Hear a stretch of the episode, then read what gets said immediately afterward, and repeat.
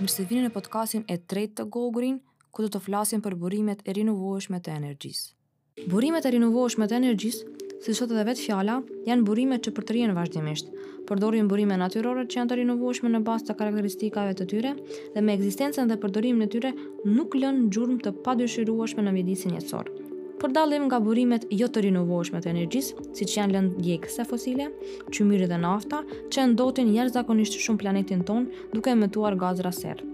Burimet jo të rinovueshme të energjisë kanë një ndikim të madh në ndryshimet klimatike, pasi marrin pjesë me 25% në emetimet totale të dioksidit të karbonit. Kjo është arsyeja se shpesh flasim për tranzicionin e energjisë si një nga zgjidhjet më të rëndësishme për trajtimin e ndryshimeve klimatike, gjegjësisht tranzicionin nga përdorimi i lëndëve djegëse fosile si burim i energjisë në përdorimin e burimeve të rinovueshme të energjisë. Tranzicioni i energjisë njihet gjithashtu edhe si dekarbonizim i sektorit të energjisë dhe paraqet proces të reduktimit të plotë të emetimeve të gazrave serë në atmosferë. Burimet e rinovueshme, burimet e rinovueshme të energjisë gjenden në format tradicionale më të zakonshme të energjisë siç janë dielli, era, batica dhe zbatica, energjia gjeotermale, biomasa etj. Tregu dhe tendencat aktuale industriale i përdorin burimet e mëposhtme të energjisë të rinovueshme. Energjia e erës. Trendi i energjisë së erës është i përqendruar në përdorimin e turbinave të erës që janë të lidhura me sistemin elektroenergjetik me lokacione në të gjithë botën. Parimi themelor i prodhimit të energjisë elektrike është shumë i thjeshtë. Era i rrotullon fletat e turbinës, boshti i së cilës është i lidhur me një gjenerator, i cili konverton energjinë mekanike në energji elektrike. Nevoja e shtuar për energjinë e erës e stimulon më tej zhvillimin e mullinjve të erës, duke zbatuar teknologji të reja. Në vitin 2018, sipas të dhënave të Komisionit Rregullator për Energjetikë, Maqedonia e Veriut prodhoi vetëm 97.000 e 338 megawatt në orë energji të erës, që është vetëm 1.8% e sasisë së përgjithshme të energjisë. Aktualisht ekziston vetëm një fermë me mullinj të erës në vend, që ndodhet afër Bogdancit, e cila ishte e para e këtij lloji në territorin e Ballkanit Perëndimor. Pritet të ndërtohen edhe dy ferma të tjera me mullinj të erës në të gjithë vendin. Sipas strategjisë për zhvillimin e energjisë së Republikës së Maqedonisë së Veriut, deri në vitin 2040, energjia e erës është burimi i energjisë me potencialin më të madh për rritje në vend, ose 50 herë më shumë se në vitin 2018. Biomasa Biomasa në varësi të gjendjes agregate, e ngurtë, e lëngshme ose e gaztë, përfshin mbeturinat e prodhimit bujqësor, vajrat, biogazin e prodhuar nga plehu i kafshëve dhe prodhimet energjetike. Ato përdoren, përpunohen për të marrë energji e cila pastaj do të përdoret në amvisëri. Termocentralet e biomasës janë të pranishme në më shumë se 50 vende të botës, dhe marrin pjesë gjithnjë më shumë në prodhimin e energjisë elektrike.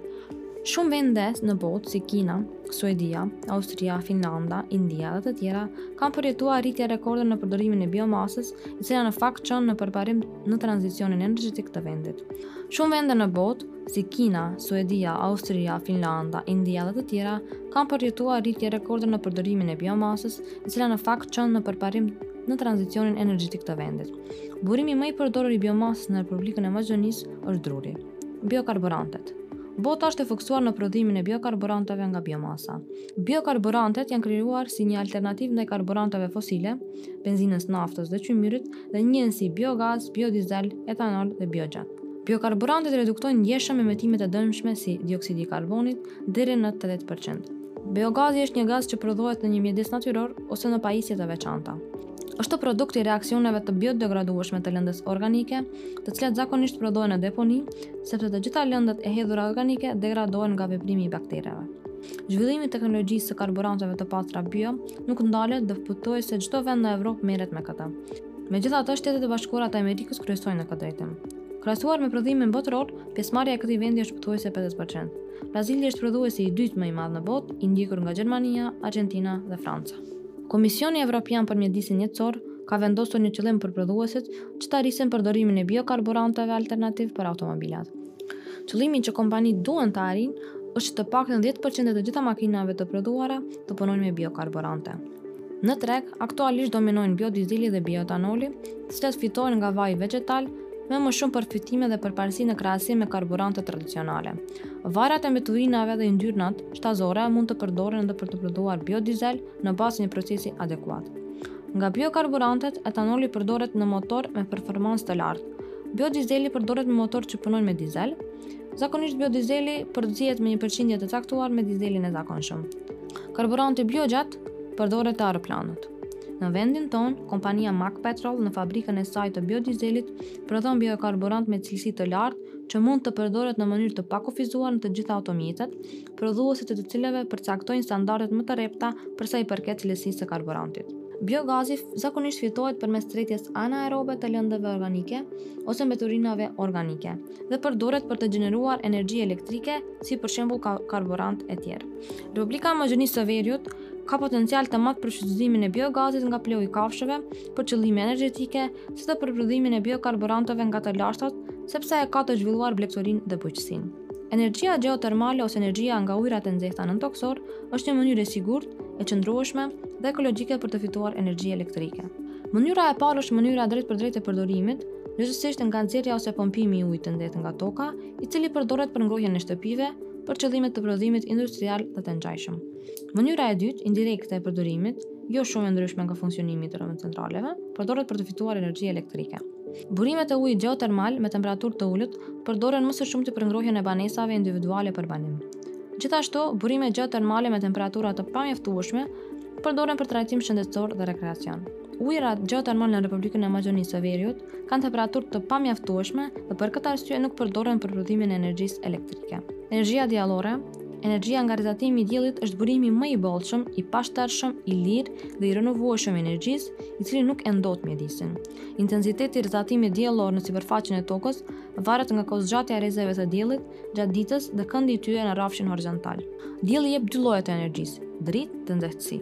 Pajisjet që bëjnë thithjen dhe transformimin e dritës së diellit në nxehtësi quhen kolektorë diellorë. Kolektorët diellorë, varësisht nga konstruksioni, përdoren për të marrë ujë të nxehtë për ngrohje qendrore. Por, kur bëhet fjalë për prodhimin e energjisë elektrike nga dielli, atëherë përdoren panelet fotovoltaike diellore. Rrezatimi diellor që bie drejtpërdrejt në panelin diellor shndërrohet drejtpërdrejt në energji elektrike. Në vendin tonë, përdorimi i energjisë diellore është i kufizuar në një numër shumë të vogël të sistemeve të ngrohjes së ujit. Ka një mesatare prej 280 ditësh me diell ose rreth 1500 orë me diell në vit, dhe kjo është arsyeja pse vendi me të vërtetë është në gjendje të përfitojë shumë nga teknologjia diellore e planifikuar dhe instaluar mirë. Përkundër kësaj, është interesante se në vitin 2018, vetëm 0.4% e energjisë për të cilën ka nevojë vendi vjen nga energjia diellore. Në muajt e fundit, qeveria ka nisur një procedurë tenderi për të kthyer fabrikën e Osllomejt në një fermë diellore me 100 MW dhe për të instaluar panele diellore në çatitë e njëqind e tetë ndërtesave publike në të gjithë vendin, nga shkollat e klinikat deri te stacionet e zjarrfikësve. Megjithatë, planet e vendit për tranzicion të energjisë së vendit janë ende të përqendruara kryesisht në hidroenergjinë. Hidroenergjia Ka polemika nëse hidroenergjia është burim i rinovueshëm ose jo. Përkufizimi bazë është se hidroenergjia prodhohet kur uji i ruajtur pas një dige lëshohet duke përdorur forcën e gravitetit për të rrotulluar turbinat, të cilat prodhojnë energji elektrike. Nuk ka djegie të lëndëve djegëse fosile ose tym. Kjo është arsyeja pse. Mesatarisht energjia elektrike nga kapaciteti i hidrocentraleve ka një gjurmë më të ulët të karbonit sesa energjia elektrike e prodhuar nga karburantet fosile. Megjithatë, nuk është saktësisht kështu dhe kohët e fundit Hidroenergjia konsiderohet se ka shumë mangësi. Lajmi i trishtë është se nuk kanë mbetur shumë lumenj të egër, dy të tretat e të cilëve tashmë janë shndërruar në hidrocentrale, dhe ky numër po rritet çdo ditë. Ndërtimi i digave të mëdha e shkatërron gjënë më të rëndësishme për lumin, rrjedhën e tij. Rrjedha e reduktuar dhe rezervuari mund t'i shkatërrojnë habitatet e kafshëve të egra dhe tokën e punueshme, ose duke e tharë ose vërshuar atë. Diga gjithashtu ndryshon strukturën e lumit. e ngadalëson rrjedhën e ujit, që do të thotë se sedimentet si rëra e godasin digën dhe pastaj bien në shtratin e lumit. Në një farë mënyre, digat krijojnë hapësira të mëdha rëre nënujore. Dhe ky është një lajm i keq për peshqit që varen nga fundet e pastra shkëmbore. Sedimentet e grumbulluara nuk janë të mira as për vetë digën, sepse sipërfaqja e saj mbushet gjithnjë e më shumë me sedimente, dhe ajo përmban më pak ujë. Digat nuk paraqesin vetëm pengesë për sedimentet, por gjithashtu kanë edhe një ndikim drastik mbi florën dhe faunën. Kur rrjedha e lumeve bllokohet, peshqit nuk mund të arrijnë në vende të tjera dhe me kalimin e kohës digat mund të çojnë deri në një ulje drastike të popullsisë së peshqve. Uji në rezervuar është gjithashtu zakonisht me nivel të ulët në oksigjen të tretur dhe më i ftohtë se uji normal. Kur ky ujë lëshohet herë pas here, mund të ketë efekt të dëmshëm mbi kafshët e egra. Si rezultat i të gjitha këtyre pasojave negative, popullsia e ujërave të ëmbla në botë ka përjetuar një rënie të pabesueshme prej 83% që nga viti 1970 dhe rreth 10% e kapaciteteve të hidrocentraleve në botë emetojnë po aq gazra serë sa edhe termocentralet konvencionale me karburante fosile. Disa diga ekzistuese në Amazon madje janë treguar se janë deri në 10 herë më shumë intensiv sa i përket karbonit sa termocentralet me qymyr.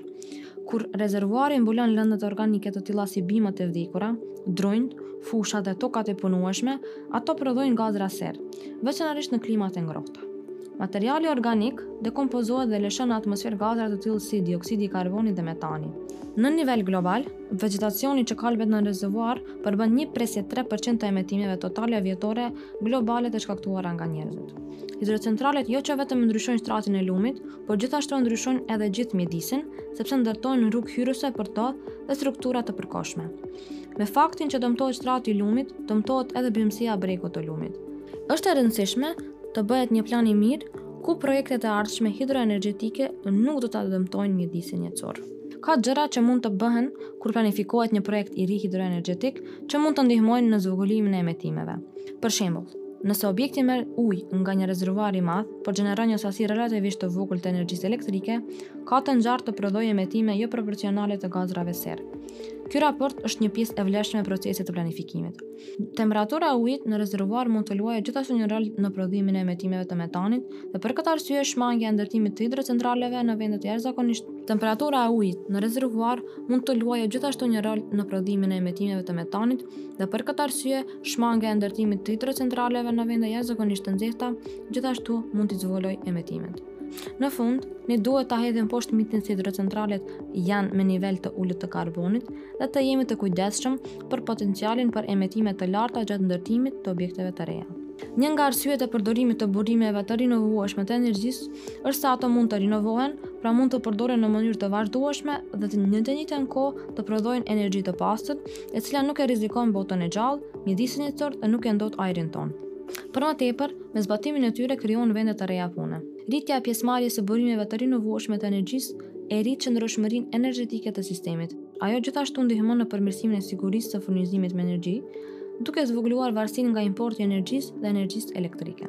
Arsyeja më e rëndësishme është se burimet e rinovueshme të energjisë luajnë një rol shumë të rëndësishëm në zvogëlimin e emetimeve të dioksidit të karbonit në atmosferë, që shkaktar i ngrohjes globale. Emetimi i gazrave të dëmshëm në ajër është shkaku i dy të tretës së sëmundjeve të mushkërive dhe atyre kardiovaskulare në Republikën e Maqedonisë së Veriut. Kjo është arsyeja pse tranzicioni i energjisë është jashtëzakonisht i rëndësishëm. Burimet e renovueshme të energjisë ngadalë, por sigurt e hapin rrugën për tranzicion energjetik në nivel global. Në vitin 2018 u instaluan më shumë kapacitete të energjisë së renovueshme se kapacitete të reja me karburante fosile dhe më shumë se gjysma e kapaciteteve të energjisë së renovueshme ishin diellorë. Aktualisht, rreth një e treta e kapacitetit energjetik të botës është në sektorin e burimeve të rinovueshme, por kjo statistikë përfshin edhe hidroenergjinë, e cila siç u theksua më lart është shumë problematike. Bashkimi Evropian synon të arrijë në nivel neutral ndaj klimës deri në vitin 2050. Për të siguruar këtë, nevojitet ndryshime në një numër sektorësh kryesorë si investimi në teknologji ekologjike, mbështetja e industrisë së inovacionit, përdorimi i formave më të pastra, më të lira dhe më të shëndetshme të transportit, publik dhe privat. Dekarbonizimi i sektorit të energjisë, sigurimi i efikasitetit energjetik të ndërtesave, bashkëpunimi me partnerët ndërkombëtarë për të përmirësuar standardet globale ekologjike. Strategjia e re për dekarbonizimin e vendit tonë parashikon një kalim gradual drejt këtyre burimeve deri në vitin dy mijë e katërdhjetë. Sipas strategjisë, nëse energjia prodhohet duke kombinuar centrale nga të gjitha burimet e rinovueshme në dispozicion, me shumë mund dhe vullnet politik, Maqedonia për njëzet vjet mund ta largojë plotësisht qymyrin si burim energjie. Në pesë vitet e ardhshme planifikohet një rritje e financimit për ndërtimin e fotovoltaikëve, hidrocentraleve të vogla dhe mullinjve me erë. Ju faleminderit për vëmendjen. Ju ftojmë të dëgjoni edhe episodet e tjera, të cilat mund t'i gjeni në website-in tonë ose në ndonjërën platformë për dëgjimin e podcasteve.